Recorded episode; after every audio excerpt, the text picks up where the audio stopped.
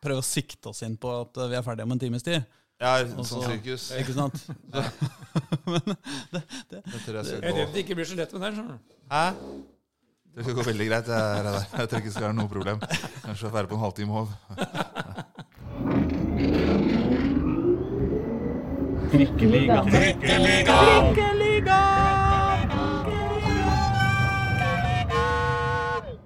Hei, og velkommen til Trikkeligaen. Episode fem i sesong to. I dag er eh, jeg, Aslak Borgersrud, og der Reidar Solli. Ja visst. Han Vi- er på plass igjen. Ikke sant? Vi er eh, ikke hjemme i, eh, i Dagsavisa Studio i dag. Vi har forflytta hele studio opp til Nordre Åsen for å snakke med deg, Morten Berre. Hallo. Halla, går det bra? Hei, det går fint. Det er så trivelig å komme hit. Vi sitter i styrerommet. Sponsorrommet. Vi har åpna styrerommet for eh, dere i dag. Det er jo ingen andre her, så alt er jo så å si nedlukka. Så, Men det er mye pokaler her. ja, det er en stolt historie her, så Du, jeg tenkte at vi kunne begynne Vi må snakke med deg om så, vi, altså, eh, vi har så mye vi skal snakke om. Vi har fått så mye innsendte spørsmål. Vi kommer ikke til å komme gjennom halvparten her engang. Eh, For folk er litt sånn engasjert i, eh, når, vi, når vi nevner at eh, Morten Berre skal, eh, skal i studio. Jo, det er hyggelig. Men jeg tenkte at vi kanskje kunne begynne eh, nå på søndagen. Så du Superbowl? Jeg gjorde ikke det, altså. Du gjorde ikke det? Jeg Følger du med? det. Jeg, med, jeg følger med litt sånn til og fra. Jeg fikk med at Sampa Bay eh, vant. Ja, Og quarterbacken satte Brady satte rekorder ut av annen verden. Som han har for vane å gjøre, for nå slår han vel stort sett sine egne rekorder. Ja, så uh, Tom Brady, har du, har du spilt med han, eller? ja, altså, jeg mener, Dere er jo på omtrent samme alder, og, jeg han er mener, jeg skal jo meg, da, men jeg skjønner hvor du vil hen. At uh, han er gæren nok til å holde på til han er over 40, han òg. Ikke sant? Og, uh, og dessuten, selvfølgelig, så vil jeg jo til din amerikanske fotballkarriere. Vi begynner der. Ja, jeg tenkte det, ja, fordi ja, det var kanskje det. det første Er det det første du gjør på en måte i, i toppidrett?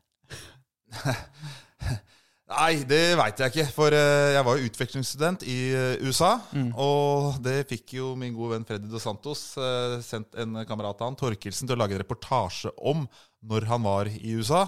Og da ble jo det landkjent, for plutselig var jeg det på TV2-sporten. Ikke sant? Men det stemmer jo. Jeg holdt på et år som kicker som, i en liten by som heter Morrison. Og jeg sparka ball. Men hvor gammel er du da? Da var jeg 17. Da var du 17. Ja. Så da, men var det da sånn at du hadde liksom en fotballkarriere på gang i, i Norge, eller var det liksom Nei, jeg hadde vel egentlig ikke det. For jeg spilte jo i Skeid eh, opp til det da. Og så dro noen av kompisene mine fant, ut, fant en brosjyre på skolen og ville bli utvekstsstudenter. Og da skulle jeg også bli det. Kult, dra til USA. Ja. Og da ble det sånn. Ja. Hvor er vi nå? Er vi på 90-tallet? Vi er på 90-tallet. Ja. Vi er i 93 Ok. Nei, 92 blir det. Ja. 92 til 93. Mm. Og ja.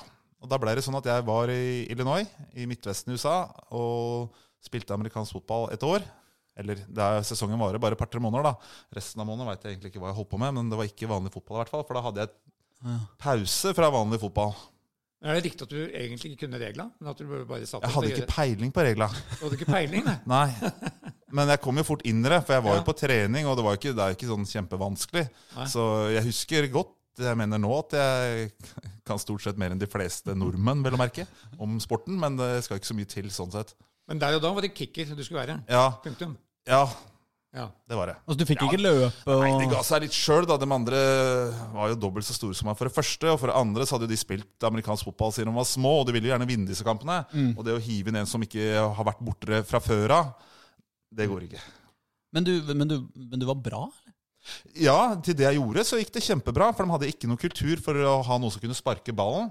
Og det å sparke en amerikansk fotball opplevde jeg i hvert fall som veldig likt eh, som å sparke en vanlig fotball. Du må bare ta på deg ryggsekken, som du egentlig får beskjed om å ta av når du spiller vanlig fotball. Lene deg bakover, få den høyt og langt og mest mulig rett fram. Så gikk i hvert fall det fint på det nivået jeg spilte på. Men det husker jeg var en pussig parallell. Jeg var på OL-finalen da, i, i Los Angeles i 1984. Riktig? Da var jo fotballen, altså Vår fotball var jo helt ikke- ikke-sport. Ja. Den som fikk mest jubel under de kampene. Det var når keeperen spilte ut fra fem meter. Var det det, ja? Ja. Det er litt morsomt når du sier, for jeg var også på kamp, men det var i jeg tror det var eh, i 93, i prøve-VM eller noe sånt. For det var jo VM der i 94. Da så disse amerikanerne drev og kledde opp unga sine i dommerdrakter, og det var liksom Hæ, hva de holder på med? Så Ja, ja. ja men lange spark, det likte de. ja, det er jeg glad i. Og det, det, det skapte mest jubel. Scoring var ikke så viktig. Det, var, det, var det, skjønte de ikke så mye av. Altså Uavgjort skjønte de heller ingenting av. Uavgjort er ikke noe tema. Nei. Men, betyr, men ble du litt overraska av at, at, at det gikk så lett for deg å ta den rollen i, altså, som kicker? Ja, jeg ble litt overraska, så ble jeg veldig glad, for jeg kjente jo ingen. Og da, når du bor i en liten by, og du må liksom trene sammen med quarterbacken, da er det liksom satt sosialt at det kommer til å fungere også. Ja, ja. Så det, jeg ble veldig glad at det fungerte akkurat der og da, ja. ja det kan jeg tenke meg. Er, det, er et amerikansk fotballag uh, uh, sånn som vi ser det for oss etter å ha sett collegefilmer? liksom? Når jeg ser litt tilbake på det, så vil jeg nesten si ja, i stor grad. Quarterbacken han var stjerna. Han var liksom den store helten i byen. Han var best i basket, best i amerikansk fotball. Han var liksom Han var eh, Han, hadde, han styrte mye der. Men hvor, Hva er liksom kickerens rolle i sosialt? Nei, quarterbacken han holder jo ballen til kickeren, så vi må jo trene litt sammen. Og da blir du litt godt kjent. Ja. Det er ikke noe annet enn det. Ja, sånn, altså, du, du er liksom kompisen til quarterbacken når dere er ute på byen? Jeg blei i hvert fall Liksom. det der borte, da. Og liksom eh, Jeg var ny, og han syntes Vi fant Eller han eh, hadde ikke noe mot meg, holdt jeg på å si, så vi, han tok, tok meg inn i varmen. Da, og da Det er litt viktig når du kommer til en by og ikke kjenner noen. Men var var det fristende, eller vurderte dere at dette kunne være en karrierevei på et vis? Jeg gjorde egentlig ikke det, for etter jeg hadde vært der et år, så savna jeg det å komme hjem og spille fotball igjen også. Ja. Så det var vel egentlig aldri noe jeg vurderte seriøst, nei. Nei. Ja, for da, da har du Og jeg liksom spørs om jeg hadde vært god nok, for jeg er helt ærlig. Også. Ok. For eh, jeg kan si det sånn, jeg tror den forrige kickeren jeg hadde det- i den, på den skolen jeg kom, var i 1907. For det var da den forrige rekorden var fra. Så Og det var den du slo? ja, og det, da, det sier seg sjøl at jeg tror ikke jeg hadde hatt en kicker siden 1907 når jeg kom dit. Men det er liksom litt som å ta Hvis du spiller fotball, vanlig fotball, Mm. og tar frispark en gang hvert kvarter, og det er liksom jobben, det høres jo litt stusslig ut på en måte. da. Ja, det gjør jo det. Det gjør det. Men hvis du gjør dette sånn som i NFL, da, tjener masse penger på det, så klarer du kanskje å leve litt mer. Og slippe å bli takla og alt. Eh, Levetida på kicket vil jeg anta er litt lengre enn en del andre posisjoner. Ja, ja, for du har ikke, Men du deltar jo liksom ikke spillet resten? Nei, du, når du setter i gang eh, spillet kickoff etter en touchdown Hvis de andre ti ikke har klart å takle han med ballen, så kan det hende at du må gjøre et eller annet for å, å, takle. Ja. Men det er ikke så ofte du ser det. Nei, stort Og da blir du nesten litt sånn sett på som helt og kjempetøff hvis han kickeren gjør det. Ikke sant? Ja, for En eneste vi hadde hørt om før, var jo Jan Stenerud. Som liksom Ja, Han er- kommenterte jo alltid på TV3 før. Han gjorde det? Ja, stemmer det.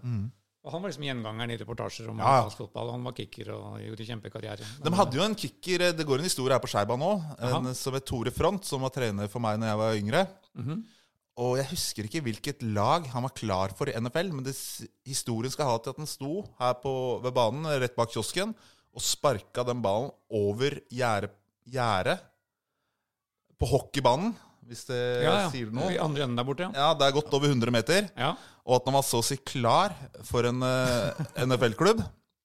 Men så på den tida så gjorde vi alt mulig. da Så brakk han beinet i et motocrossløp som gjorde da at den ikke ble noe av. Den karrieren ikke ble noe av. Ja. Men det er litt en historie som går igjen her på Skeidbanen. Men det var kvaliken å skyte den ballen over hele anlegget her. Det kan godt være det, da, men jeg skulle likt å se noen andre gjøre det. For det er en enorm prestasjon. Ok, men da må vi tilbake til Norge. Ja, Eh, for så, så flytter du tilbake til Norge, og Mhm. du inntar kontorene her. holdt jeg- Ikke kontorene, da, kanskje. Men ja Jeg fortsatte med kompisene mine på juniorlaget til Skeid. Ja. Eh, da er du 18? Ja.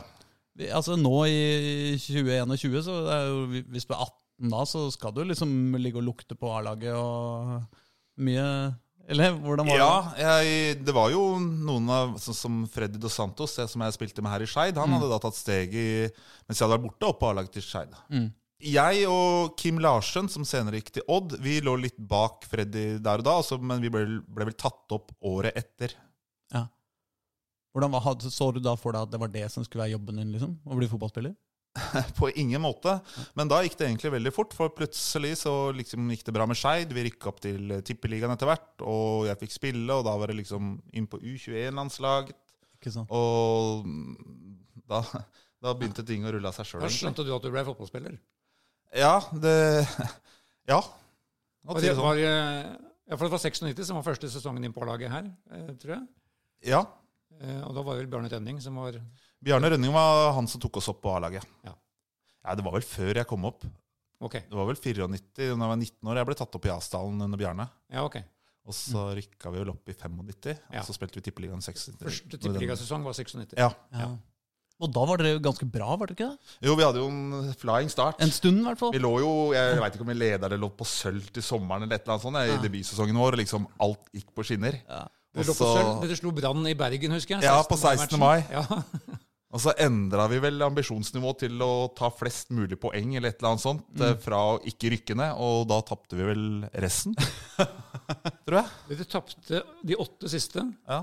Altså fra, fra skolen starta Åtte siste. fra, skole, fra skolestart på høsten, ja. så vant dere ikke noe. Vi falt som en stein, det, det husker jeg. Hva Og så fortsatte det året etter. Ja. Hva skjedde da? Ja, det, det veit jeg ikke. Men hvor spilte du på banen? Var du, var du wing? Da spilte jeg mest eh, kant i 4-4-2 eller Ja. spiss. Det er vel egentlig det jeg har gjort det mesteparten av karrieren. Ja. Det morsomme da var at dere klarte dere, tross en høst uten en eneste seier. Ja, vi lå jo på sølv, så Ja, ja nemlig. ja. Hadde litt å flyte på. Mens Vålinga gikk ned. Så de, Det var vel året før, for Vålinga var ikke Tippeligaen det året vi var der. Var vi det? Var de det? Jo, de, de gikk ned i 96. For de var jo nede i 97. Ja. Spilte seg opp igjen da. Sånn var det. Ja. Nei, så dere slo, Vålerenga var et av de få lagene dere slo, i hvert fall i én av de kampene. I, det- i kan du se, der har du bedre kontroll enn meg. måtte- Det er godt. ja, måtte- Men dere hadde en forfatter som trener, da. Det var litt originalt. Som trener, ja. Ja. ja. For oss så var han ikke forfatter, da. For oss Nei, det var bare han strenge, kule treneren. For Bjarne var, han var kul. Ja. Det var han. Litt plutselig at han forsvant ut av fotballsystemet, liksom. Ja, han blei litt borte. Han var jo brennheit en periode. Var Ja. i Fredrikstad, men jeg husker etter Skeid. Ja. Han var i, kommenterte VM i 94 og Men hvordan var det, hadde du noe, noe sånn eh, Hvordan var forholdet ditt til Vålerenga da? Husker du noe? Eller hvis du ikke husker at de spilte Nei, I forhold til Vålinga, Jeg vokste jo opp her i Skei, da, så vi elska jo å konkurrere mot Vålinga. Det var vel helst det. Mm.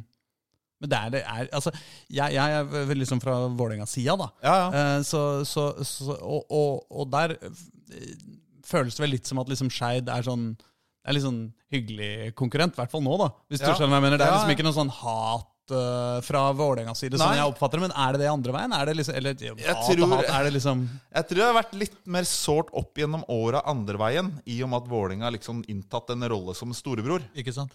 Og da blir det jo litt sånn. Mm. Men uh, for min del, jeg har jo en fot godt planta i begge leirer, holdt jeg på å si, så Og det har gått jeg heier jo. Og, ja, og, den, og den gangen var dere egentlig likeverdige. Ja, vi var jo det akkurat i det, det rundt midten av 90-tallet. Ja. De rykka ned, og vi rykka opp, og det sto litt og vippa, da. Ja, nettopp. Og så 97, da, som var andre sesongen din i, i Skeid, så, så du sa det rakna, det rakna på høsten i 96, men da rakna det nesten hele året. Ja, det fortsatte å rakne. Så da, da var det jo nedrykk. Ja. Så sjekka jeg den siste, siste kampen dere spilte, i 97, som var da din siste kamp i Skeid. Mot. Bodø-Glimt på Aspmyra. Ok. Så da, men da var det altså både du og Freddy og Santos og Tom Henning Håvi på laget. Ja. Og begge, jo, ja, begge de to ble jo veldig profilerte VIF-folk etter hvert. da. ja, Tom Henning gikk jo rett til Vålinga etter Skeid. Ja, Freddy tok turen via Molde. ja. Og så så jeg da at på, på Glimt så spilte da Bent Inge Johnsen, selvfølgelig, dagens Lyn-trener, Ja. og Jan Erik Sørensen, som også ble en eh, Dagens Bærum-trener. dagens Bærum-trener Ja. og Lyn-spiller, og et lite mareritt for Vålinga i det her eh, derbyene mot Lyn. på Ja, så vi måtte jo hente den til Vålinga etter hvert. Ja, det var, jeg stemmer da, han endte jo der òg. Ja. Ja. Etter det nedrykket så forlot du byen, kort og godt. ja. Hva skjedde da? Da dro jeg til Haugesund. Hvorfor det? Nei, Det var litt tilfeldig.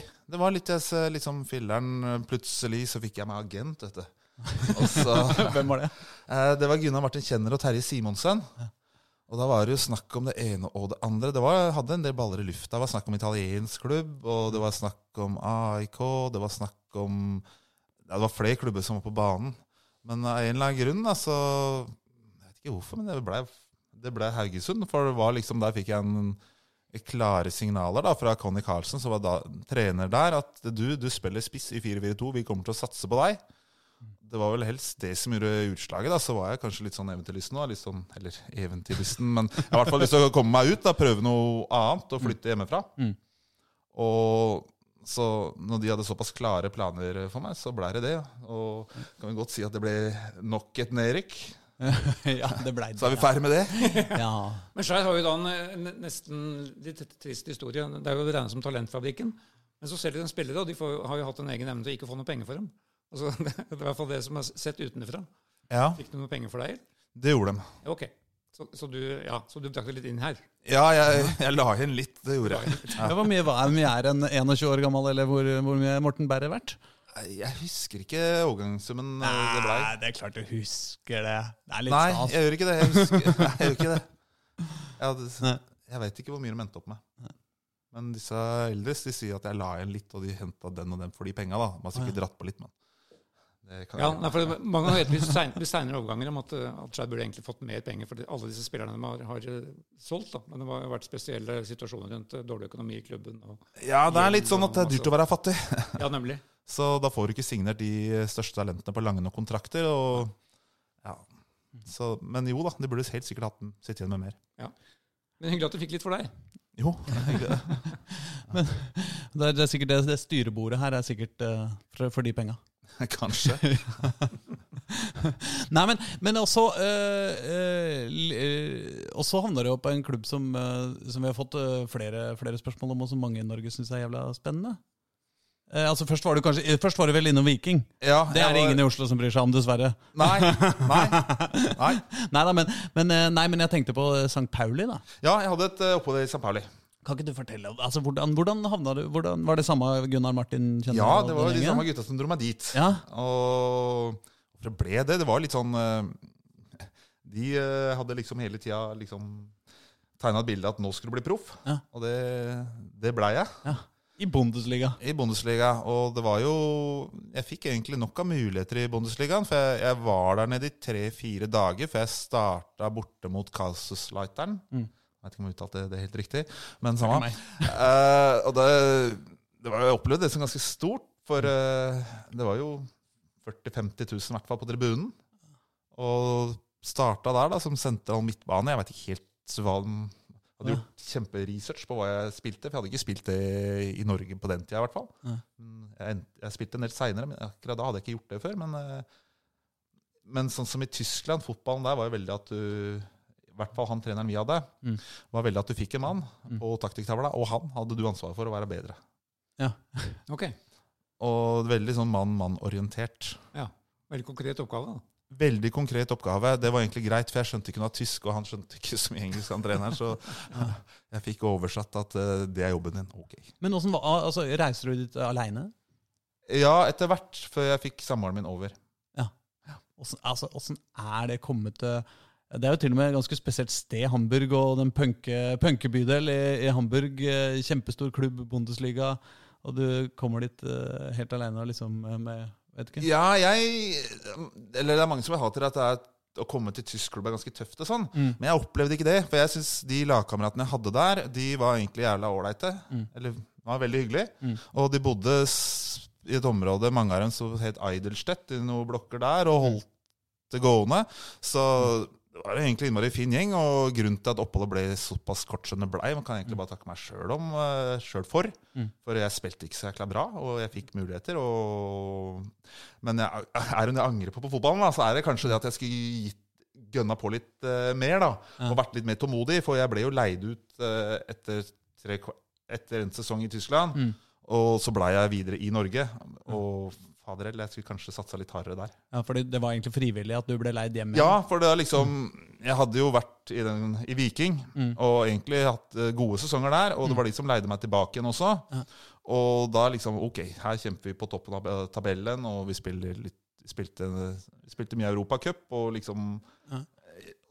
Og etter hvert i Tyskland så endte jeg ut av laget, kom ny trener og liksom var ikke i troppen. og liksom Da tok jeg ikke opp hansken og kriga meg inn igjen, for å si det sånn. Nei, du gjorde ikke okay. det? Nei, eller da ble jeg i hvert fall leid tilbake til Norge, da, og da var jeg ikke så voldsomt keen på å dra ned igjen. Det blir påstått at det er så vanvittig mye høyere treningsintensitet i, i tyske klubber enn i norske. Fikk du det inntrykket, eller? Jeg fikk inntrykk av at de var vel nøye Jaha. på enkelte ting. Intensiteten og sånn eh, Jeg er ikke, jeg er ikke helt der at det var det der når jeg var der. At det var så voldsomt mye bedre på den måten. Men på alle mulige slags type avslutningsøvelser, på spillsekvenser, det var, det var ikke noe kødd. Nei. Det var eh, full fokus og fullt trøkk hele tida. Ja. Det var det. Men Hvordan, da- altså Den klubben eh, St. Pauli den, eh, den er jo en, en veldig sånn spesiell klubb og har en helt uh, egen historie og supporterskare og alt mulig sånt. Føltes det som en annerledes klubb å spille for? Ja, spesielt på hjemmebane så var jo det Du følte at det var Hva skal jeg si 20 25 000 blitzere som sto der og ga alt for klubben. Samtidig som du merka sånn svak eim av marihuana rundt banen Ja. til tider. Og jeg hørte jo om eh, de som hadde spilt borte mot San Paulo òg. De måtte å sitte ved vinduet der i garderoben, som var nede i kjelleren. Det er det dummeste du kunne gjøre, for da sto de stort sett og pissa inn der. Så det er sånn historie som gikk igjen. Som var, var Mikael Schönberg som fortalte meg det når han spilte for Hamburg da, mot San Pauli. Ok. Det var sånn kjent greit du måtte ikke få sitte med vindu, mente han. Ja, ja. Jo, for jeg tenkte på det, altså det, i øh, Vålerenga har jo også vært en, en liksom klubb som har øh, vært veldig opptatt av å være liksom en antirasistisk klubb. da. Ja. Eh, og altså det, Nå er jo på en måte alle Sånn var det også også i San Pauli. Det har også tatt klart standpunkt der at det er en, en av, veldig på venstresida. Ja, ja. På en måte enda klarere, da. For Ja. Vålerenga har jo også en sånn, eller alle klubber i Norge i praksis, da, har jo også en sånn, er det veldig sånn Vi skal ikke være politisk. Mens i St. Pauli så, bare, så er det bare Ja, ja, de er veldig tydelige på hvor de står. Men er det bare supporterne, eller er det klubben øh, Er det liksom noe opp, er, det, er det liksom annerledes for dere enn andre klubber? Som, som spiller så tror jeg ikke Jeg veit ikke om de opplever det i like stor grad. Nei. For eh, det er jo litt sånn som alle, en del andre profesjonelle eh, klubber, er at du er der noen år, og så drar du videre. Ja. Måtte vel ikke, spille, måtte vel ikke stemme rødt for å få spille der? For å si det sånn. Det tviler jeg på. Med en liten hanekam så hadde du blitt uh... Det hjalp helt sikkert. Ja, vi hadde en historie da, historisk ballast. Jørn Andersen var jo den første store norske. Han gikk han var toppskårer i Vålerenga på 80-tallet. Ja, riktig. Og han ble den første utenlandske toppskårer i Bundesligaen. Ja. For, eh, da han gikk der på 84-85. Han kunne heller ikke et ord tysk da han dro ned. Nei. Nå kan han nesten ikke et ord norsk. Ja, riktig. Slått kontra. Men ble du, ble du uh, fortsatt liksom Prøvde de på deg som sentral midtbanespiller der? Det var det som var greia, eller øh, ble du flytta videre rundt? Nei, jeg spilte en del på kanten også. Mm. Det var enten kant eller uh, sentral midt. Du er jo en spiller, eller var, uh, må vel kanskje kunne si, en spiller som, som var liksom ballsikker. Og uh, kunne, det var ikke mulig å ta fra Morten ballen, liksom. Uh, og det er jo ikke så dumt å tenke at det er en god idé på sentral midt heller. Nei, ja, det gikk nå helt ålreit, det gjorde det. Ja. Men ikke bra nok. Det jeg kan si var litt sånn pussig i San Pauli, var at vi stort sett klarte oss veldig bra mot topplagene, men så tapte vi alle kampene mot de lag, lagene rundt oss på tabellen. Ja. Og det er litt dumt. For de slo Bayern München. Vi slo Bayern München. Ja, det må være en liten opplevelse. Ja, det var utrolig gøy. Ja. Da, da gikk ikke publikum hjem. Nei. Det er kanskje en av de morsomste enkeltkampene jeg har vært med og spilt, eh, foruten finaler og diverse. Ja, akkurat. Hva, hva, hva, hva skjedde, holdt jeg på å si? Nei, vi slo dem 2-1. Ja. Det var vel det helst, det. Og Var dere det var enn, var dere bedre enn dem? I den kampen så var vi det. Ja, det må, det må ha vært ganske Var Bayern München like, like enerådende da som de er nå? liksom? Bayern München er utrolig stor i Tyskland, så Ja, ja, ja. ja. Det var Ja, jeg Kan godt Jeg veit ikke, men i hvert fall jeg opplevde det sånn. Men i, eh, da, du, da du dro hjem igjen fra, fra Tyskland, så var det jo eh, Det er noen som, som har spurt ja, men hvorfor, hvorfor Altså, Én ting er at det tysklandsoppholdet ikke helt gikk som det skulle, men liksom eh, Vanlige folk ender da opp i Belgia, liksom. Eller, eller et eller annet eh, det er, det, er, det, er et, det er et par skritt da, mellom Bundesliga og Viking. Ja, det, det er det. Vurderer du det? Hadde det liksom Jeg veit ikke. Jeg, det kom egentlig aldri opp. Nei. De, de kom med et tilbud, og du tenkte ja, vær med i toppen av tippeligaen. det er- Ja, ja, jeg, hadde, jeg var klar for å spille fotball. Men hvordan hadde du det i VIF? For det er jo da, da Ja, si, Etter det året så gikk jo verden videre til Vålerenga. Ja. Hva- Hva skjedde da? Hvordan skjedde det? Nei, det var jo Da var jeg, hadde jeg ett år igjen av kontrakten med San Pauli. Ja. Og de var egentlig villige til å slippe meg. Det var nye folk, nye trenere, som bygde opp sitt lag. Og de hadde rykket ned. Og da kom Kjetil Rekdal og Kjetil Siem eh, og ville ha meg til Vålerenga. Okay. Og da jeg var ikke så veldig vond å be til å flytte hjem igjen til Oslo. Jeg vet ikke hvor mye de sa, men jeg snakka mye med Freddy i forkant. Og liksom han overbeviste meg også. Eller Ja. han sa det, dette, dette bør du være med på. Ja, ja, for da fikk du mulighet til å get the band back together. Ja, og Vålinga var på vei opp på den tida og akkurat vunnet cupen og svingte litt av dem. Så det, ja, det er jo Kjetil var vel spillende trener, han da. Han var spillende trener. Ja. Han var det. Og da, det, det ble jo en ganske nøkkelperson da, i ditt fotballkarriere videre. Ja, han har vært trener i en årrekke for meg. Ja, Ja. det har han. Hvordan var han som trener? Nei, tydelig. Ja. Ja, jeg synes han, Som spillende trener synes jeg han klarte å balansere det å være spiller og trener veldig bra. Mm. Og da liksom tok sånn passe mye plass og lot Geir Bakke slippe til med en del på selve treningsfeltet. Så det var ikke noe tvil hvem som var sjefen, sånn sett, da, men jeg synes han balanserte det veldig bra. Og det var tydelige tilbakemeldinger.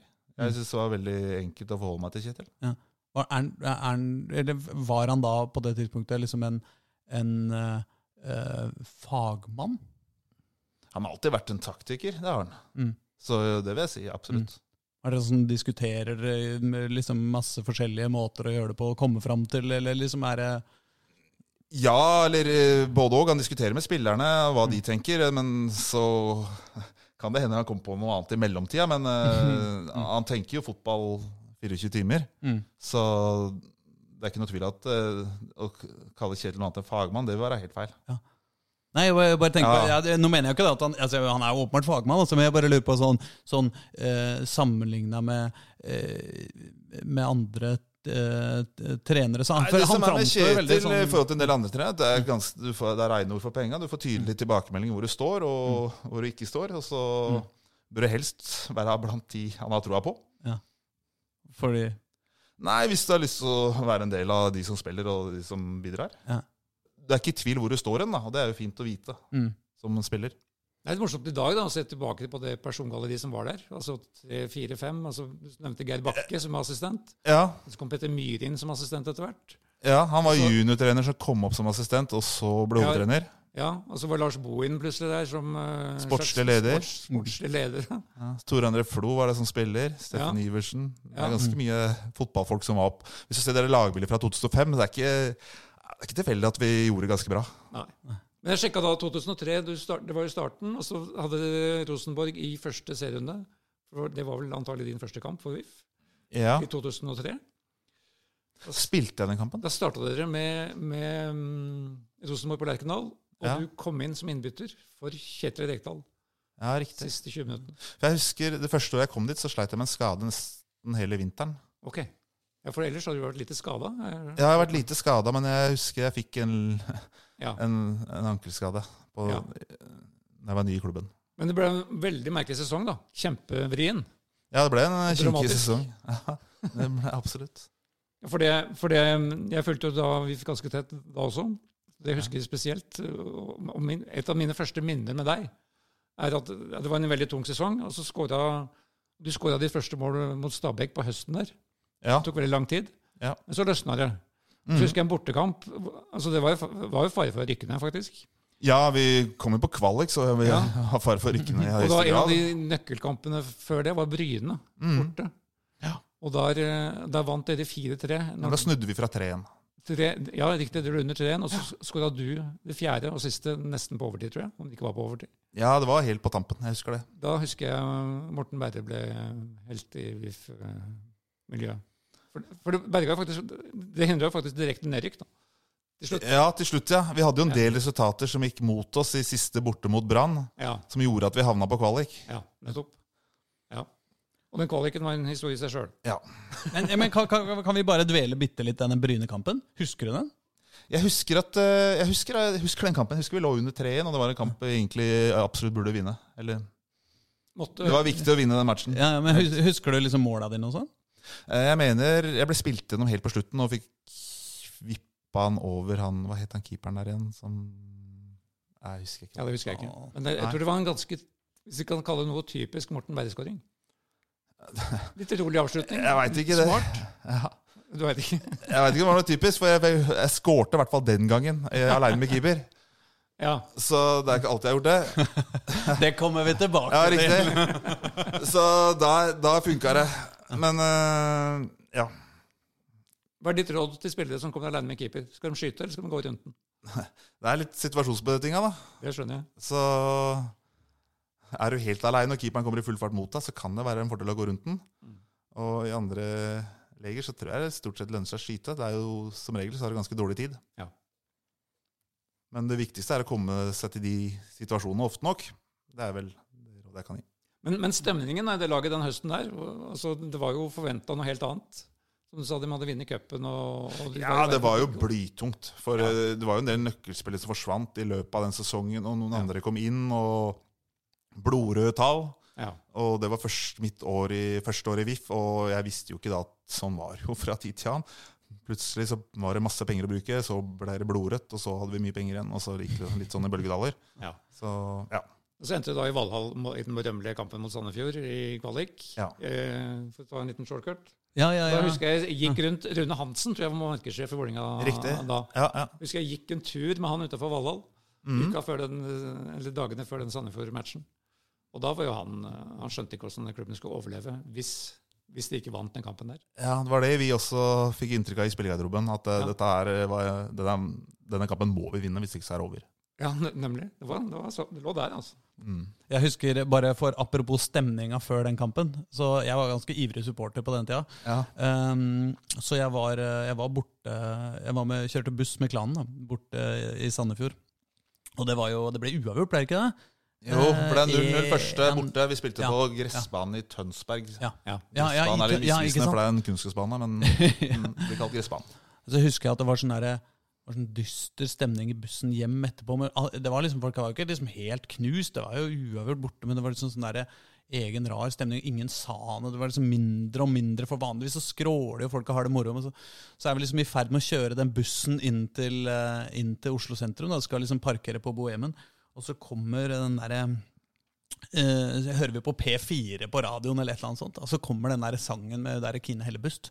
Eh, om Rødt Rødt feil er feil og tøt, tøt, tøt, tøt, Ikke sant? Og, Ja, ja, ja. og ingen liksom tenker noe særlig over det. Altså liksom akkurat sånn der, og det, sangen går nå på Det handler Liksom. om å leve, ikke det? Og i sånn, type sånn 50 meter fra Bohemen så er hun ferdig med første verset sitt, ikke sant? Ikke sant? Og der ingen ser på hverandre, ingen sier noe, men uten å tenke over det, så brøler hele bussen ikke sant? 40 mann For det handler om å leve Nei, det var, eh, det var eh, det- følsomme greier. Ja. Det, jeg var nervøs, de, altså. Hva husker du fra den kampen? da? Jeg husker at det var kanskje noe av det høyeste volumet inne der. At det var nesten, jeg husker når jeg gikk inn i pausen at det nesten peip i øra, for det var så høylytt og det var så nervøst. Det var så mye som skjedde. Vi lå vel under Var det 3-1 vi lå under? Jeg lurer på det. Og så henta vi opp til 3-3, og da, da var det halvspilt. og så skulle vi gå ut i annenomgangen igjen, og vi skjønte jo det. Det føltes ut som det var uh, enten mål ene eller andre veien hele tida. Mm.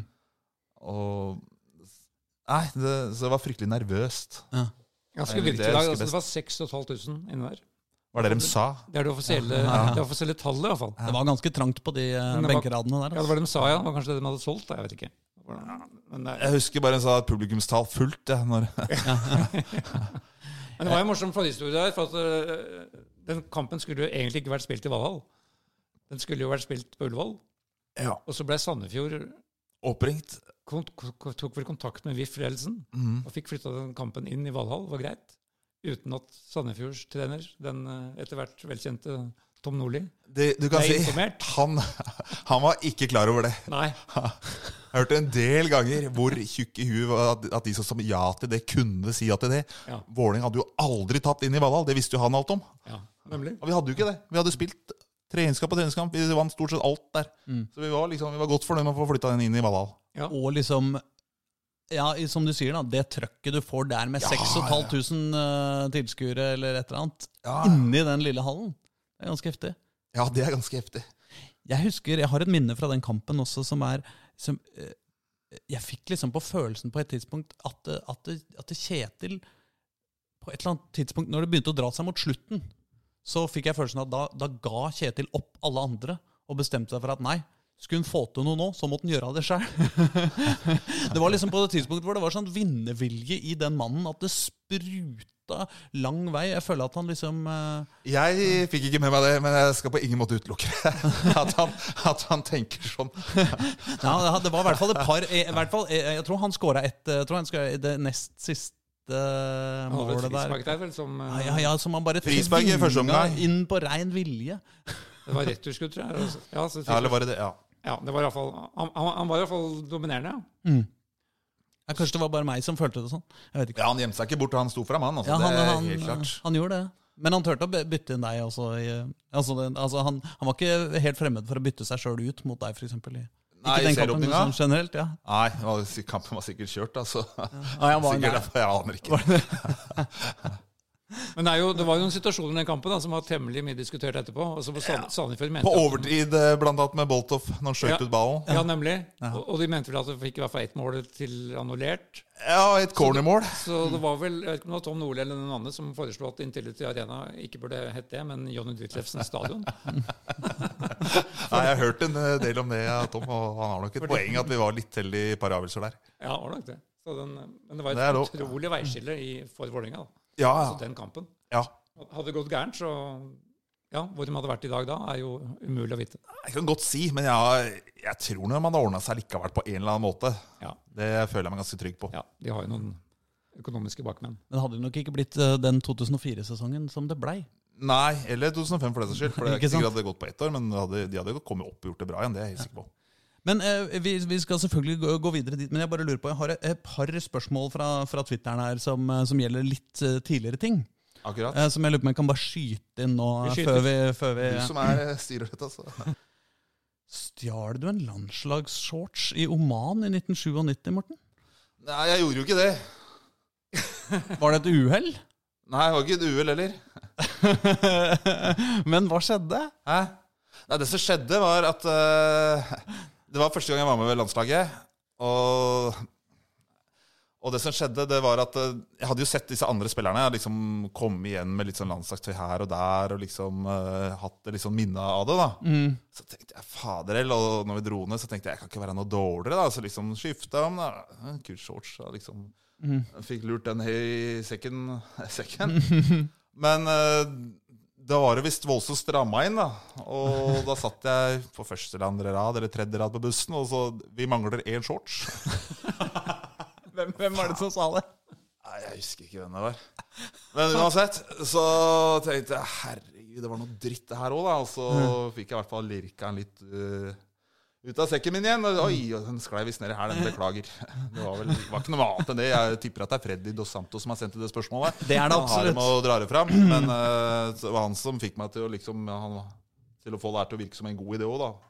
Og det var han som ville ha deg til å, Jeg mener at det var han som satte meg på sporet til å gjøre noe sånt. til, Ja. til å stjele shortsen. Ja, men altså, herre min hatt skyld på han, da. Jeg, jeg, jeg er fornærma på dine vegne. Kan man ikke få med seg en fotballshorts hjem når man har sin eh, første landslagssamling? liksom? Nei, Jeg syns jeg var litt puslete og ikke gikk på drakta, jeg, da. personlig. Ja, ja, ja. Men ja, nei, ja, sånn det blei nå. ja. Uh, uh, Freddy eh, spør han, uh, eh, Freddy har vært ivrig, altså. Han har det, Ja, han har vært god, han her nå. Eh, han lurer også på om du kan rangere brødrene Berre fotballmessig. Jeg har to storebrødre som spiller fotball, og de er to vidt forskjellige spillertyper. Han ene har jo spilt i Kjelsås i mangfoldige år, og ja, det er en historie som i hvert fall ble Tom alltid fortalte, da når han spilte mot broren min som heter Øyvind, på Kjelsåsbanen. Så var det, så sto han nede i hjørnet, dempa han perfekt på brystet og smalt den opp motsatt, som de pleide å gjøre på 90-tallet. Da spilte de bare lange baller. Så hører du Stig Mathisen brøle 'Bare for mange touch!'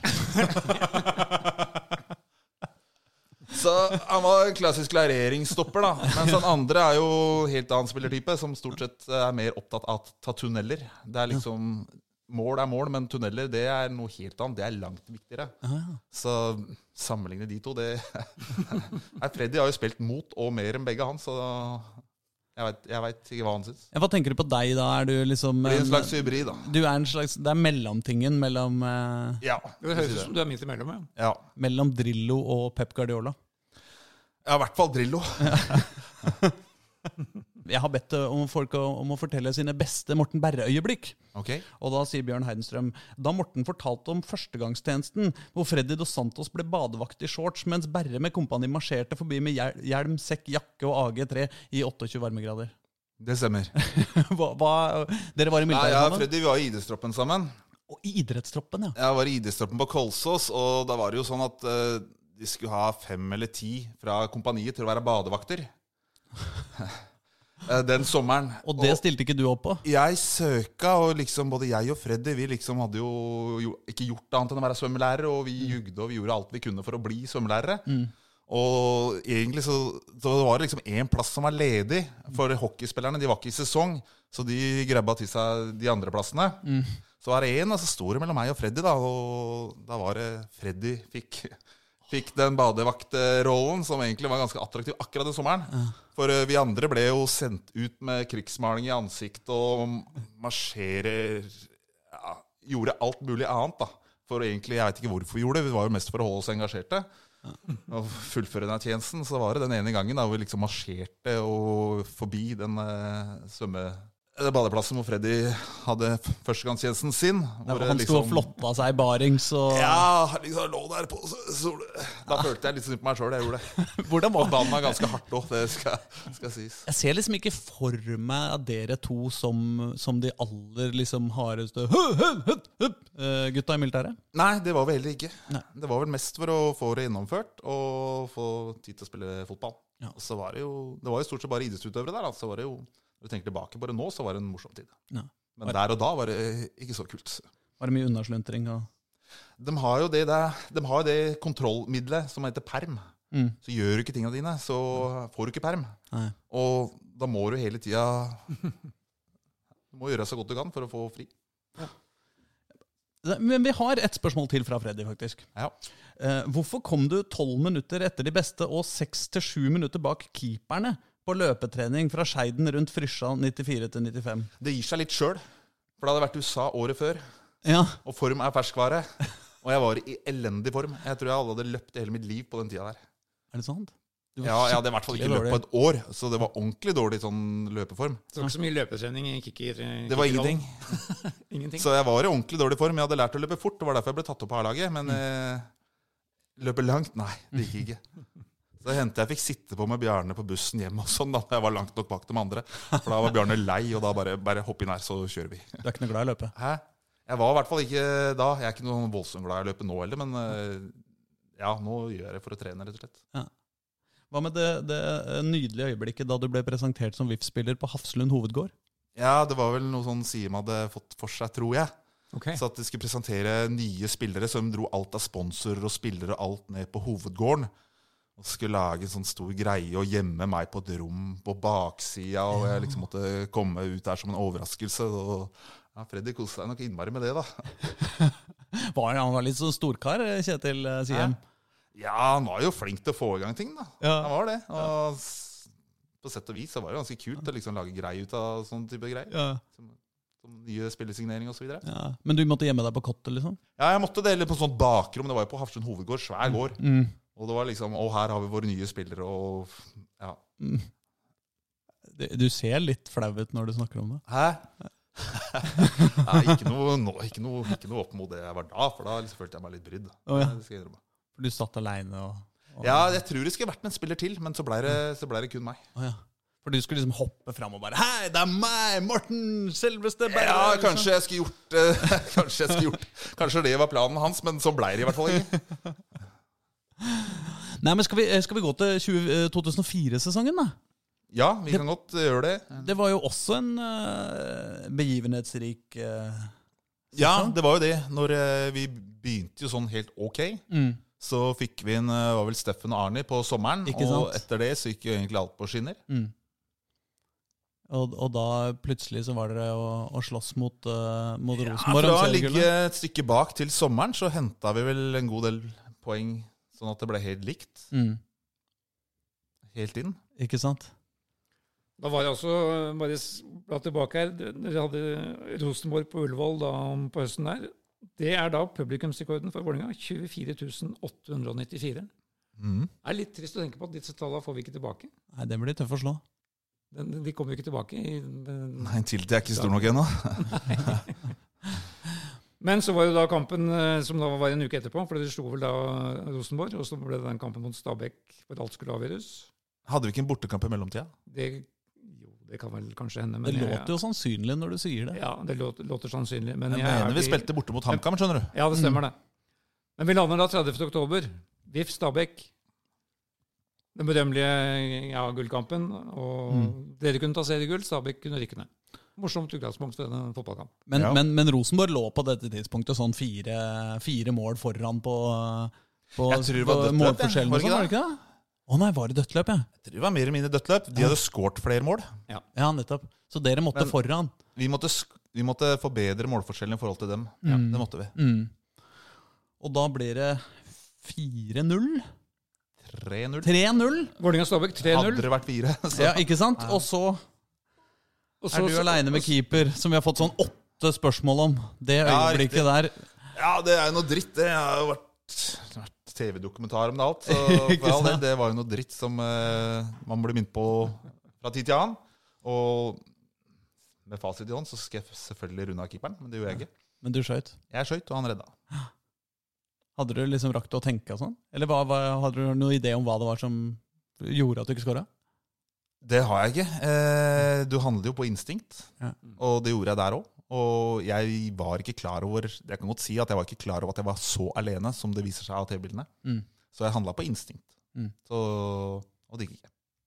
Så visste du heller ikke at, at Rosenborg da på samme tidspunkt bøtta inn mål mot Lyn, som de hadde da i siste kamp? Nei, jeg visste at vi måtte ha mer mål, for jeg Mm. spilte på sida til eh, Kjetil. Ja, ok. Så han visste, han drev og ropte inn til meg at vi må ha mer mål, vi må bare jage på. vi må jage på. Så jeg, jeg var klar over at vi måtte ha flere mål. Det visste jeg. Mm. Er det riktig det som sies at, at Kjetil Rekdal bevisst holdt dere igjen i pausen for å gå ut? For, å, for at kampen skulle Det høres ut som en bra plan av Kjetil, ja. Men du husker ikke spesifikt at han sa det? Eller? Hæ? Nei, jeg husker vi brukte god tid, men vi satt nå i garderoben der og gikk ut når det, når det var dags. Ja, ok. Det var ikke noe vi snakka om internt. eh, Nei. Ja. Nei, men han, han styrer jo sånt. Han er jo en taktiker. ja, Sånn kom opp i ettertid, i hvert fall sånn som jeg husker det. Så Ja. Blant oss i spillergruppa. For jeg husker det veldig tydelig fra tribunen. at liksom det, i og med at vi fikk- sto der og I og med at vi klødde fikk sølv, så ga vi egentlig langt blaffen om vi sto igjen i ett eller ti eller fem minutter. Det var liksom ikke det som var fokuset vårt. Nei. Det var det at vi ikke klarte det. Det var, eh, altså vi I denne podkasten Ja. så har vi en fast spalte hver uke eh, om, eh, i, sesong da, om liksom ukas tabbe i, eh, i, i Oslo-fotballen. Ja. Eh, for litt plagsomme må vi jo være, vi også. Eh, og da, når vi skulle finne navn på den spalta, så gikk vi altså for straffa til Freddy. Ok? Ja, altså den mot Brygge Ja. i Champions League-kvalifiseringa. Ja. Eh, så du slapp unna den, på en måte. Ja, Men ellers så er det vel på en måte et av de mer kjente sparka på ballen du har hatt i ditt liv? Ja, det kan du godt si. Det kommer jeg ikke utenom. Straffa til Freddy altså den, um, altså den var jo avgjørende på sitt vis. Så Ja. klart, der, der gikk man glipp av mye, da. Ja, det kan du si. Uh, jeg jeg syns Freddy har fått ufortjent mye tyn på en straffe. Han var ikke eneste som bomma. Og Freddy er veldig flink til å minne alle på det at det var ikke kun han som bomma. Det var det virkelig ikke. Og ja, Men sånn er jo sånn er jo fotballen. Ja. Du husker jo også, eller jeg vet ikke, jeg husker i hvert fall Per Edmund Mort når han bomma Ja. for IFK mot Barcelona. Og det er jo sånt du husker. Ja. Sånn er det jo bare. Jeg så et intervju med han, altså dette, Da er vi tilbake på 80-tallet, med Per Edmund Mort. Jeg så et intervju med han i en lokalavis fra Movili Ski, Ski, tror jeg. Østlandets Blad. Altså, så bare et intervju med han for to år siden. Ja, Selvfølgelig. Tema. Det kom opp igjen, ja. Bom, bomma på stoffet. ja. Men eh, jeg, sånn ettertid, det er all mulig kred av han som ung nordmann går opp og tar den straffa. Det er jo Det er klart det. Han en, hadde jo en kjempekarriere der, egentlig. Ja, ja, fantastisk. Men det som var så sprøtt med 2004 og 2005, da, sesongen etter, Ja. er jo at, uh, at det var jo i den høstsesongen i 2004 Det var jo da det var jo da dere var best. Ja, da da følte jeg interessen tok voldsomt da i bybildet også. Plutselig så du folk som gikk rundt i Vålinga-tøy, og det var liksom var voldsomt mye. Bare Oslo våkna som fotballby. Ja. Følte det, i hvert fall jeg følte det tok helt av da. Med folk som kom oss på lørdagstrening, var alltid masse folk som så på, og så var det det ble nesten alltid et utdrikningslag, og det var alltid mye sånn Det var mye greier rundt klubben, da. Mm. Hvis du tar halve, altså sluttses, uh, siste halvdel 2004 og første halvdel 2005, Hvis det hadde vært én sesong, så ville Ja, Vålerenga vært Bodø-Glimt 2020. Altså, det var jo Ja, det var det. Sånn det, det. Det var jo en Du skulle eh, spilt høst-vår, med andre ord. Ikke sant? Nei, det ble jo ikke riktig. Jo, Jo, jo, jo, hvis Ja. ja, da, da, da, da hadde det ikke vært noe tvil. Da hadde dere vunnet med, med 20 poengs margin, tror jeg. ja, riktig. Ja, for det, ikke sant? Så kommer denne 20 2005-sesongen, Ja. hvor dere vinner gull. Mm. Hvordan, eh, hvordan opplevde dere den sesongen? Nei, vi starta utrolig bra, og jeg må si, i hvert fall for min egen del, i og med at jeg gikk på den smellen alene med keeper, så jeg følte det som en kjempestor lettelse å vinne året etter. Ja. Og da var jeg også helt på tampen, og vi spilte jo, vi spilte jo bra på våren, men på høsten var vi skikkelig dårlig. Så at vi vant, det var jo flaks. Ikke sant? Det var tap og tap og tap. Ja, det var en offside-øvelse nede i på Sørlandet der òg, som Tom Nordli, selvfølgelig. Nettopp. Som jeg også har fått hørt litt om. Som, eh, så vi hadde Ja, du kan si de marginene vi ikke hadde i 2004, da fikk vi med Mon i 2005. Mm. Så Det er veldig slår du sammen de to sesongene, så er det kanskje greit med en gull og en sølv. Ja. Veldig pussig situasjon. Altså, verken, både Vålinga og Start de opplevde da ikke vinne noen av sine seks siste kamper. Den- Ja, den det var jo Mm. plutselig det var jo, De lagene bak var ikke så fryktelig langt unna, de heller. Nei, nei. Lyn var jo med i Ja, ja. Helt, helt inn. Men, men ja, du nevnte at, at så den, den derre straff... Nei, mm, bomme med Jon Knutsen satt de fortsatt altså, et år etterpå? Nei, jeg merka jo Jeg ble ikke ferdig med med en gang, skal jo, selv om jeg sa jo det. Men jeg merka det faderlass at det, ble jo storsatsing året etter, og det ble henta inn det ene navnet etter det andre. Mm. Så jeg så egentlig litt for meg at uh, som spiller, da, Mm. at uh, skal dette gå? Her, her, dette, det blir tøft å få spilletid. Mm. Og det var liksom egentlig bare å spytte i nevene, og det tror jeg var mange andre som gjorde også, som jobba ræva av seg for å komme på laget, rett og slett. Mm. Og det gjorde at vi fikk et uh, Vi i hvert fall kom veldig godt i gang i 2005. Ja. Grunnet den interne konkurransen som var. For treningskvaliteten da var jo enorm. Men det, er det, var det liksom da dere vant det gullet i, i, i 2005 var, altså, Kjente dere litt på det da? At, liksom, eh, at det, det- var en litt rar måte å vinne et gull på? Jeg tror egentlig folk ga litt blaffen i det. Vi vant gull, så i hvert fall jeg tenkte hæ, drit i oss som vi vant. Liksom, liksom, Ja. det, det blir litt sånn, veit ikke når du vinner med, på ski, for den saks skyld. Hvis du vinner med en tid eller et sekund, du driter vel egentlig i det, bare du er først i mål. Ja. Og i hvert fall, Jeg kjente det litt på den måten. da. Vi vant ikke med stil, men vi vant. Og akkurat da var det det desidert viktigste.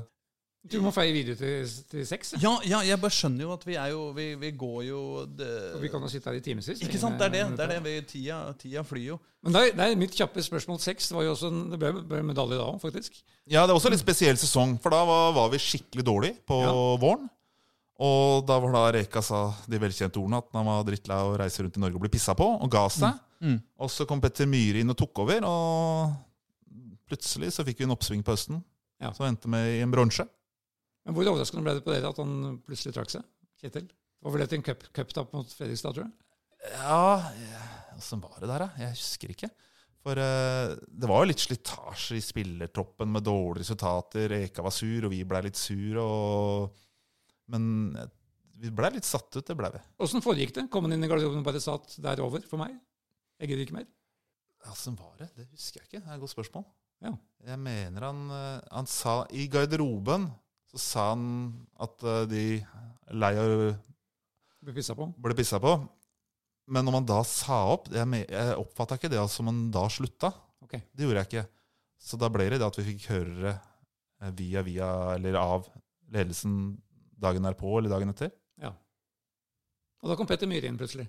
Ja, Men han har vel hatt, hatt i praksis mye av øktene på treningsfeltet, slik jeg husker det. ja Petter han var jo kjempe, er en kjempeflink trener og var en kjempeflink trener. Så jeg syns det var egentlig litt synd at han bare fikk et år på seg i Vålerenga. For uh, han fikk jo veldig lite handlingsrom i forhold til å hente inn spillere og diverse. I forhold til en del andre. Og vi syns i hvert fall han var en veldig bra trener, og han var godt likt Ja. i spillergruppa. Og ja, jeg syns han fikk for kort tid i Vålerenga. Mm. Men det er kanskje litt sånn, har noe med at den var såpass fersk som trener på den tida. Og da er det jo kanskje lettere da, å liksom kvitte seg med, holdt jeg på å si. Ja. Enn om man hadde vært Mm. 10-20 år eldre og, folk, og flere hadde hatt troa på han. da. For han var jo et relativt ubeskrevet blad akkurat da, som trener. Ja. Mm. Og så ble det Harald Aabrekk. Ja, så var det Harald Håbrekk. Og da fikk vi også et lite oppsving på høsten. Og så kom Martin inn i 2008. Men hvordan var altså Hvis du ser på Martin og Reka, da. Ja. Eh, hvordan, eh, hva, hva var liksom, hvordan var de eh, Hva var forskjellene på dem, dem to, liksom? Vanskelig å sette. Begge er jo klare lederskikkelser Mm. med en klar plan og tydelige tilbakemeldinger dersom de ikke gjør jobben din. Mm. Martin kom jo også inn som spillende trener, og som etter hvert ble trener. Og han begynte jo også helt han begynte jo, Det var jo første året hans som trener, Mm. så han fikk jo en bratt læringskurve. Men uh, når han fikk dette her på stell I 2008 vant vi ikke noe cupen, men jeg syns vi ikke spilte sånn veldig bra fotball. Men vi, vi tok cupgull, det gjorde vi. Spilte veldig bra cupfinale. Vi spilte en veldig bra cupfinale. Men sen, sånn sesongen under ett spillmessig så var jo det en skuffelse, i og med at vi hadde henta de spillerne vi gjorde. Men sånn tar i 2010, da. Det er kanskje den sesongen hvor jeg har vært med og spilt best fotball. Hvor vi tok sølv. Ja. Og jeg har aldri vært med å liksom dominere og skåre så mye mål og spille så feiende bra fotball som akkurat det året. Mm. For da var vi Ja, da tok vi veldig mye poeng. Rosenborg var bare enda litt bedre enn oss, Ja. selvfølgelig. Fader, da. Men, eh, men Da, da så liksom sportslig var det antagelig bedre da enn i 2005, da dere vant gull. Ja, det tror jeg. Akkurat sånn Ja. Ja, vi tok i hvert fall mer poeng. Ja. Det gjorde vi. Men jeg tar heller mindre poeng med å ende opp med gull, Ja, ja, sånn personlig. Men, Men, uh, ja. Men hvis, da fikk Martin skikkelig sving på sakene, og da Men gjorde de noe, altså Var det noen forskjeller i hvordan din rolle hva, liksom, hva slags instrukser du fikk eh, som, som, som spiller? liksom? Oppgavene dine, liksom, Var de annerledes, eller var det stort Nei, det det var litt uh, Under Martin så kommer til en 2010. Jeg husker Mm. på vinteren 2010 så skulle vi prøve inn noe som ble kalt Plan B. Mm. Hva vi skulle gjøre hvis vi måtte ha mål, Mm. og som vi skulle spille. Og så begynte vi å spille sånn, jeg lurer på om vi ikke var borte mot Sarpsborg i en treningskamp. Mm. Og så bare feide vi dem av banen. Ja. Mohamed Fella så ut som en million i den rollen. Harmet Singh så kjempegod ut. Kristoffer Hestad. Mm. Liksom Alt bare fungerte. Alt Mm. falt på plass. Og så tenkte vi vi prøver det neste match òg. Og plutselig så begynte vi egentlig å Plan B ble plan A. Ah, ja. Og det liksom vi gikk fram med stopperen, Mm. som da var André Muri, oppe i midtbaneleddet. ja, stemmer, Og så ble det en slags trebakslinje bak. ja. Og det virka ikke som om de andre motstanderne i det året hadde noe særlig mottrekk for å ta oss ut. For vi fikk dominere kampene i veldig stor grad. Mm. Og så er det litt med timing å gjøre òg. Da var Fella på vei opp, Harmet var på vei opp. Moa var jo et eventyr. Han var jo helt overlegen. Mm. Du hadde jo liksom en rekke spillere som var på vei opp, og plutselig Luton Shelton var der, og lynrask. Og jeg er glad jeg var i elveren akkurat, det, akkurat i det det begynte å fungere. For, da, for jeg tror ikke det var så lett å spille seg på akkurat det laget. Så plan B blir plan A, ja. Den var original. Ja, det var litt originalt. Ja. Og det var jo, Men den måten å spille fotball, det, fotball på, det appellerte jo til alle spillerne. Alle elska jo å ha ballen, og spille, spille, spille. Mm. Og som, spesielt den generasjonen som kom opp med Amin Nori, Harmet Singh, Mm. Christian Brix, eh, Mohammed Fella og flere til. Mm. Vi fikk opp en kjempegod ungdoms, eh, ungdomskull akkurat da. Mm. Det er sikkert flere jeg har glemt også i farta. Og som var glad i å ha ballen i beina. Og, Ja, og som var kjempegod på akkurat de tingene. mm. Det var liksom på et tidspunkt der hvor, hvor jeg syns at Vålerenga eh, plutselig Plutselig var ve veldig veldig gode i, kortpasningsspillet. Liksom. Ja. sånn, eh, det, på en måte sånn tradisjonelt, ikke sånn Ja. jeg kjenner Men de unge spillerne som kom opp, de hadde jo et helt annet ferdighetsregister Ja. enn det i hvert fall var- jeg var vant med. Jeg husker når vi spilte på treninga, det er ofte så spiller vi gammel mot ung. Mm. Og de unggutta de rundspilte oss. Mm. De tapte riktignok stort sett hver eneste gang, men de rundspilte oss. Og når vi fikk satt det sammen, så ble det bra. Hva var det som var din eh, beste sesong, tenker du? Nei, jeg følte jo i hvert fall den 2010-songen. Jeg blir jo litt sånn prega av akkurat det der. At Ja. da var det mye som stemte. Mm. Da gikk det bra. Og så syns jeg det har egentlig gått jevnt over ok. Selv når vi har vært dårlig, så har jeg liksom følt at det har lykkes allikevel. At Mm. når det har gått dårlig Det er i hvert fall Jeg, i hvert fall, jeg veit ikke hva jeg skal si. Jeg, i hvert fall Da følte jeg det gikk bra. Og så har vi hatt en del niende-tiendeplasser òg, hvor det har gått dårlig for laget. I hvert fall Men som Ja, de har i hvert fall prøvd å gjøre ålreit allikevel. Fordi, sånn fra, fra tribunen så husker jeg liksom den tida jeg, jeg, altså jeg, Åra går litt over i, i Ja, det gjør det for meg sånn. også. Men, men, jeg, men jeg husker på en måte at eh, du var sånn trygg på og mye, mye på vingen, og, og sånn, og så var det et eller annet år Jeg husker ikke akkurat hvilket, eller når jeg følte at det skjedde. da Men sånn jeg husker historien, så var det sånn at det var på et eller annet tidspunkt så blir Jeg husker ikke om det var liksom at den prøvde deg som spiss, eller hva som skjedde, men plutselig så gikk du liksom fra å skåre tre-fire i året til å skåre ti eller tolv. Ja. Liksom, det var noe sånn, eh, Plutselig så ble så ble du en, måle, en, en skikkelig målskårer. Det var litt sånn, for når Moa ble jo solgt midt i 2010-sesongen, Ja. og da sto vi uten spiss, og da ble jeg spiss. Mm. Og å skåre mål på det laget det var jo ikke verdens største prestasjon sånn sett, da. Mm. Men det er litt når du skårer noen mål, så får du sjøltillit, og da er det lett å bli flere av også. Ja. Så, men det har egentlig kanskje vært min forse som fotballspiller òg, at jeg kan spille nesten alle roller fra utenom forsvar, men fra midtbanen oppover. Mm. At jeg i hvert fall har lært å tilegne meg de ferdighetene som trengs. da. Når du da blir liksom målskåreren på laget. Ja, det Er er jo selvfølgelig dødskult, det. Men da skal det sies, jeg har liksom alltid de siste jeg vet ikke, fem til sju åra i Vålinga så gikk jeg alltid på ettårskontrakter. Mm. Den ga jeg ikke toårskontrakter når jeg hadde nådd en viss alder. Det var noe sånn policy-greier. Og så da tenkte jeg, Det var jo letteste måten å få ny kontrakt og holde deg på laget, det var jo å skåre mål. For det kan du ikke argumentere med. Mm.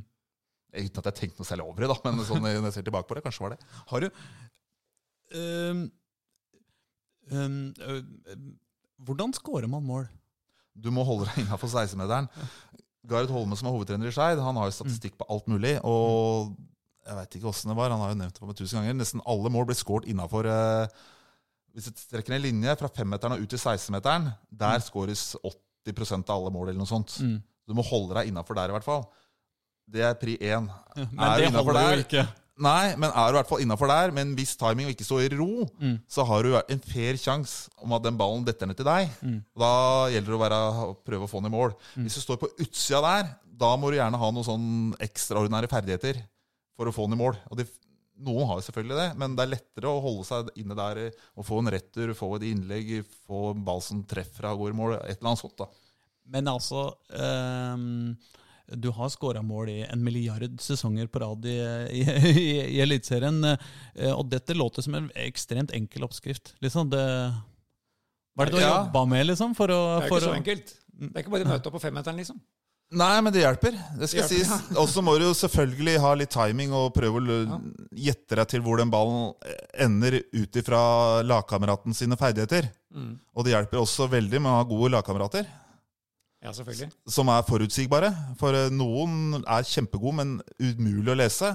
Og da hjelper ikke så veldig mye å være spiss, for du aner jo ikke hvor den ballen havner. Så da blir det rent tilfeldig. Men har du sånn som Daniel Freda Holm da, og Gia Zaid som spiller, så, ha, så går det an å gjette seg til hvor den ballen havner, eller ta med Bojan Sajic for den saks skyld også. Det er en fair sjanse å få den ballen i mål. Du så jo Gia Zaid og måten han serverte Kjartansson på når han var i klubben. Mm. Og det var Kjartansson han skårer like mye mål uansett, altså, men eh, jeg de gjør ikke noe å ha gode spillere rundt seg som du klarer å forutse hvordan ballen skal komme igjen. Men Er det sånn at, du, at, du, at dette er bare instinkt, eller, kan du, eller tenker du da sånn ja, Fre, eh, Daniel han, eh, han eh, spiller uh, høye innlegg på bakstanga, og Bojan drar først en skuddfinte og så en liten stikker, eller altså Nei, det, der men, det er først og fremst uh, instinkt. Ser han, Hva pleier han å gjøre? Hvor pleier han, Hva ser han etter? Mm. Det er vel helst sånne type ting. Uten at jeg har noen sånn veldig god forklaring på det. Men hvis du var eh, hvis du, eh, du, du har jo en masse unger og, og eh, trener en masse fotballspillere og sånn. Mm. Hva er det hva er det du sier liksom, til den som vil lære seg å skåre mål? Er det bare 'kom dere inn i 16-meteren'? liksom? Ja, kom dere inn, Eller inn i kom dere inn der det skjer. Time løpet, ikke stå stille. Er Og så kom kom til nok muligheter. Det, for du kommer til å bompe på en hel haug. Og sørg for å ha nok arm. Det er vel egentlig Ja, for det er jo er fascinerende med fotball. Man mislykkes jo egentlig med det meste man prøver på. Ja, men så ja, så du må bare huske Heldigvis da, så har vi litt sånn selektiv hukommelse at man Ja. husker jo stort sett det man lykkes med. Og det er Nemlig. glad Det er ting. Mathias Eftedal spør uh, Han sier at første Eller han spør ikke han, han, han, eh, Hans største Morten Berre-øyeblikk er første gang han samarbeida med Bojan. Uh, uh, på Twitter. Da, Bojan Skuddfinte, som han jo kaller seg, vakkert nok. Borte mot Sandefjord med to mål og dribleraidet på Nadderud etter at han lata som han skulle bruke overlappen først. Er dette sånne ting du husker? Jeg husker Bojan borte mot Sandefjord. husker jeg veldig godt. Mm. Han var ny i klubben, han kunne ikke et ord norsk. Eh, selvfølgelig, Han kunne ikke et ord engelsk, var det jeg skulle si. For det ga seg litt sjøl. Og det var umulig å kommunisere med han. Mm. Men han kom alltid først i garderoben, så satt han ved datamaskinen, og så fant han fram masse morsomme YouTube-klipp og lukk, lukk, lukk, lukk, lukk. Så liksom for å komme inn i Så han var alltid veldig blid og veldig hyggelig og utrolig lett å spille fotball med. For eh, akkurat der er fotball et eget språk. For når Bojan kom, så det var, no, det var verdens enkleste ting å vite når han skulle slippe den ballen. Men at den var så god til å drible og dra seg forbi folk, det ble vi litt satt ut av. For eh, det, det ble heldigvis Sandefjord-forsvaret også. For da var det egentlig bare å stille seg foran, og så bare serverte han to ferdigskåra pasninger. Det husker jeg godt. Altså, Det er veldig mye mas eh, om eh, hvorvidt du kan ta med skolebolle på onsdag før trening. Helst dagsferske. Det er din tur nå. Ja, det er han Daniel eh. Strand, som er daglig leder her i Skeid. Som skal ha kred for den ene gangen han eh, kom og bød på noen boller inne i, i trenerhuset. Jeg skal huske på det, Daniel. det, det er bra. Eh, vil du si at du fortsatt har eh, Formel 1-muskulatur? Nei. Sånn eh, Skeid-trener Bjarne Rønning visstnok skal ha si, hevda? ja, han Bjarne, han eh, Han som lot meg sitte på med bussen etter disse løpeturene. Ja. Han måtte jo forklare til gutta, at, eh, og for meg, da, hvorfor jeg var så dårlig til å løpe. Så han mente jeg hadde Formel 1-muskulatur. Muskulatur som bare kunne løpe fort, men ikke langt. Åh. Så det var liksom eh, Det var han som fant opp de greiene der. Og ja, jeg kunne ikke Akkurat der var jeg veldig enig, for det fungerte. Hvis du mener det sånn, Bjarne, så funker det, funker det for meg òg. Men det er bare en bortforklaring. Det var bare en bortforklaring. Og hvis jeg hadde Formel- Formel 1-muskulatur da, så er det stikk motsatt enn nå. Så nå er det dobbel diesel og Ja, sånn, ja. tannlekarsteg, som Benny Lennartson pleide å kalle det. Tannlekarsteg. Ja, eller han pleide å Var en spiller som var treig, ordentlig treig, da var det dobbelt tannlekarsteg. Det var hans uttrykk. Det er en som lurer på hvor mye eh, du grua deg da, da VIF-klanen begynte å starte, eh, starte å synge 'Rumpa til Berre'. Eh, Jeg rakk ikke å tenke på så mye, så jeg, jeg rakk ikke Jeg rakk ikke å tenke. Nei, For det var jo en tradisjon i mange år. Ja, det var en greie. Det, har, eh, Jeg er vel ikke den første og langt fra den siste. nei, ja, ja, det er ikke så mye av det nå for det lenge, det? faktisk. Altså, jeg har ikke sett rumpa til en Vålerenga-spiller på, på flere år, tror jeg. jeg. kanskje du ikke har vært her. Nei, ja, ja, ja, jeg er var faktisk en av de det- få som har vært her. Ja, greit. Er dette avslutningskampen? hans? Ja, Det er vet det Ja, ja. Det var det. Ja, så, ja, så, ja, så det dukka ikke opp før det. Men uh... Nei, Det har vel sikkert vært ropt litt eh, opp igjennom. Ja, det har det. Det er jo veldig gøy eh, som supporter å, å kreve å få se rumpa til fotballspillere. Eh, og Du får satt dem ut litt, i hvert fall. ja, og så er det liksom kanskje litt vanskelig å si nei også. Vet ikke. Ja, det er ikke verst. Det er ikke... Jeg har fått en del spørsmål av gutta mine. og sånn. Hvorfor gjorde du det? Og de jeg, jeg har vært trener for. Jeg holder på som trener i Hasløren. Og da kom jo det opp. Og jeg må bare forklare. Det er en greie med supporterne. Ja. Så, og med klanen. det er litt paradoksalt da, at den siste matchen din var mot Odd og Dag Eilif Fagermo, Ja, som nå endelig har fått Vålinga opp igjen. Ja. Og han pleier ikke å si så mye eh, Rose motstanderen så mye, men eh, også han måtte jo hive seg på Morten Berrebølgen da, etter den matchen der.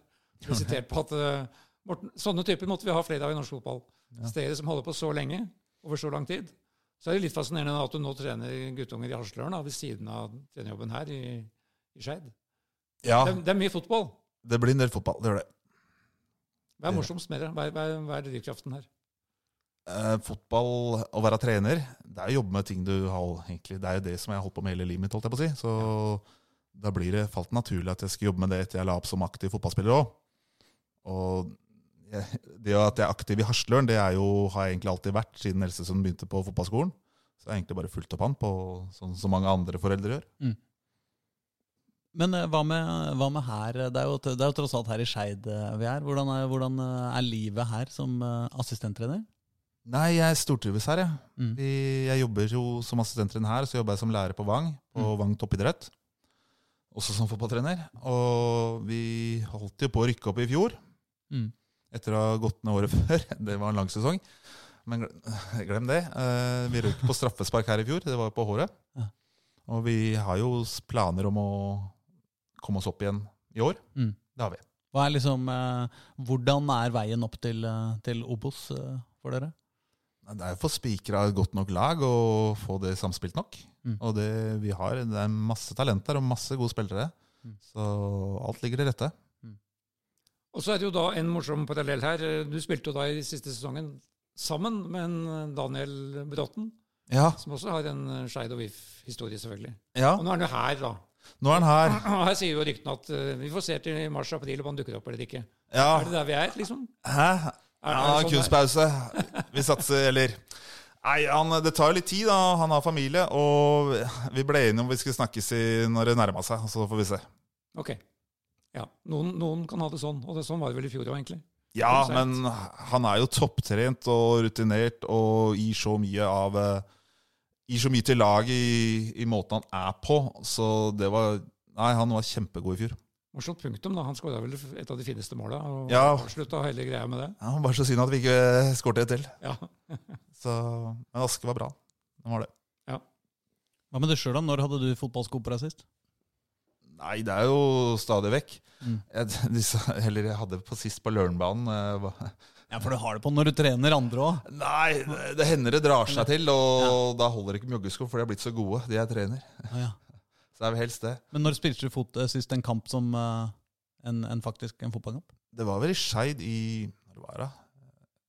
Det husker jeg ikke engang. Jeg hadde vel et inne- og borte mot Brumunddal eller et eller annet sånt. Mm. I Du spilte jo, du, 2017. du spilte jo for Skeid 2 her i, for to år siden, Ja, det gjorde jeg. og, og de rykka jo opp. i Ja, jeg var med i opprykkssesongen. Det er sant. Ja. Det er viktig å få med seg. Det synes jeg du skal få ja, med. ja, ta med den. rykka opp, og, og de rykka jo opp i tredje divisjon, og så fikk de ikke spille i fjor i det hele tatt. Ja, Det var litt feige lag i fjerde divisjon, og vi spilte med Ismail, han som har gått til Fredrikstad, og David som vinger. Okay. Da var det en del av disse fjerdedivisjonsbekkene som fikk kjørt seg. Så ja, Det var nesten Det var feige lag til tider, en del av de matchene. Mm. Mens andre kamp var eh, ja. Hvordan eh, ser du din egen, eh, din egen trenerkarriere? Det er veldig mange som har spurt om du skal inn i trenerteamet til Vålerenga. Eh, Nei, jeg, altså, akkurat nå så stortrives jeg her, Mm. så det er vel egentlig det. Så må vi innom din ene landskap. men for all del, ass, dersom Du veit jo aldri hva som skjer. Nei. Og, ja. Men det er liksom det de sier når jeg spør eh, folk i diverse miljøer om historie på deg. Så sier de jo at uh, du er så snill og, og, og har Det fins ingenting stygt å si om Morten Berre fra noen som helst, ikke sant? Um, kanskje det er en svakhet som trener? Det er helt sikkert en svakhet som trener, det. Er du liksom litt, litt Er det litt ubehagelig å sette ut folk og, og være streng og sånn? Nei, Jeg veit ikke hva jeg skal svare på det spørsmålet. Jeg veit ikke helt hvem du har snakka med heller. Nei, det, er- dette, er, dette er bare min, ja. mitt Ja, tankespinn. ja, altså, det det er er ikke noe analyse her, altså. Nei, nei, nei. Uh, nei, jeg syns det er lettere å gi beskjeder som spiller enn som trener. For som spiller så har du hele, de, hele tida det adrenalinet i kroppen, og det er lettere å bli sinna, rett og slett. Mm. Men som, som trener så står Det skal litt, tre, det skal litt liksom, trening til da, Mm. for å gi tydelige beskjeder og være klar som trener i forhold, forhold til det. Så, det er en annen måte å gjøre det på enn sånn spiller. Det Mm. er det jeg prøver å komme fram til. Mm. Du kommuniserer litt på en annen måte. Jeg føler at uh, Morten Berre og Kjetil Rekdal liksom er, liksom ikke, er, er på en måte litt på hver sin side av en eller annen skala. Ja, jeg oppfatter Kjetil som helt fair, ja, altså. Ja, ja. Så han det- ga beskjed på en helt ålreit måte. Og jeg liksom var ikke noe sånn Mm.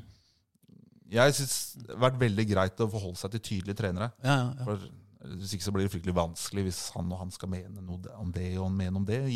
Hvis treneren vil ha det sånn, ja, da gjør vi det sånn. Han er sånn. Nå, nå følte jeg det som om jeg var veldig anti Kjetil Rekdal. Så det var ikke det jeg mente. Det var bare at han, han har det liksom i seg til til, til å være, til å være sinna. Ja, han, eh, han, han, han kan være streng. Ja, ja. Hva var det du skulle si, eh, Reidar? Jo, jeg, måtte, jeg må bare jeg ser at vi må gi oss snart, men det er Ja. en som heter Øystein P, som lurte på hvilken scoring sitter i minnet.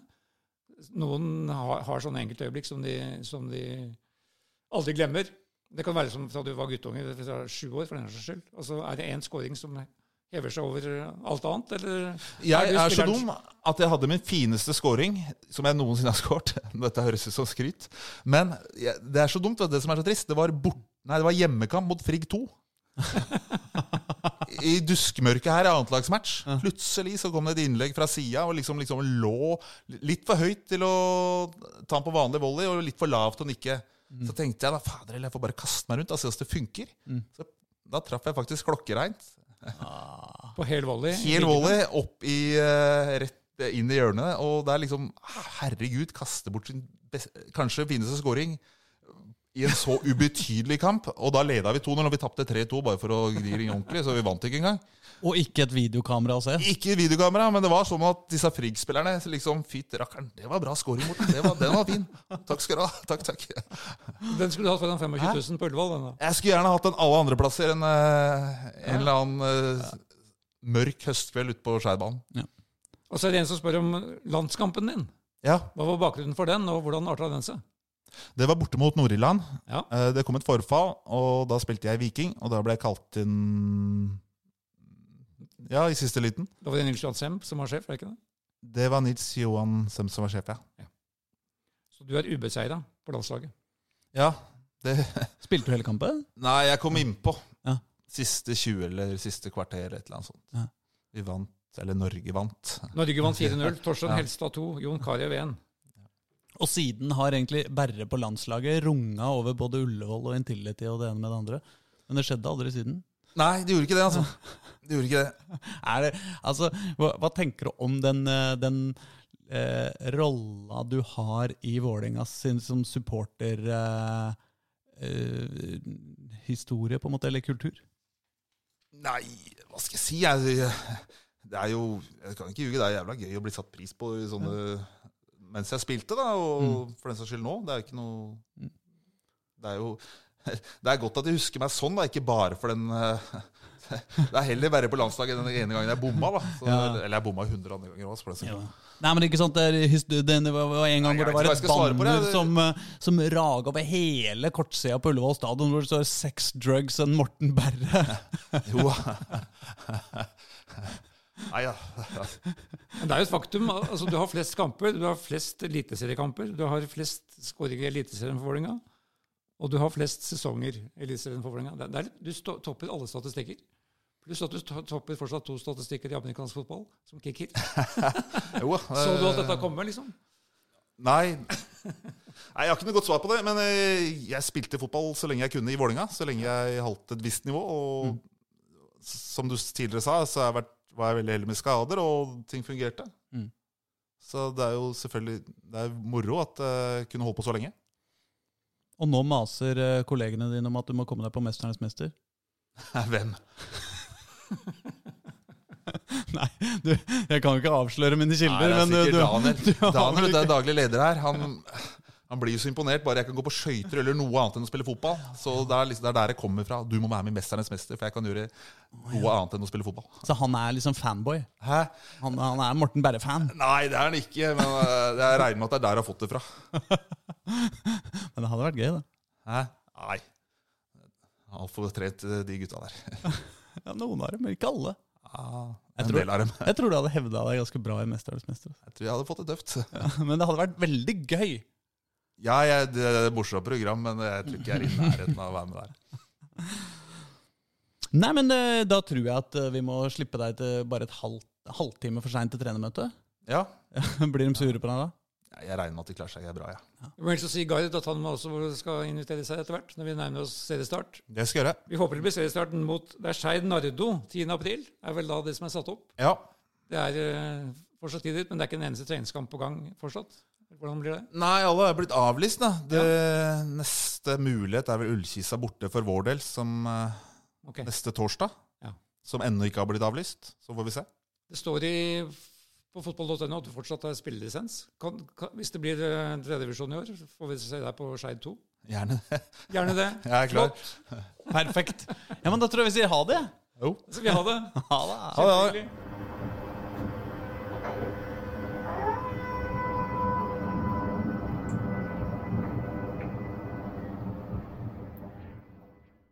Du har hørt en podkast fra Dagsavisen. Ansvarlig redaktør heter Andreas Heen Haaland Karlsen.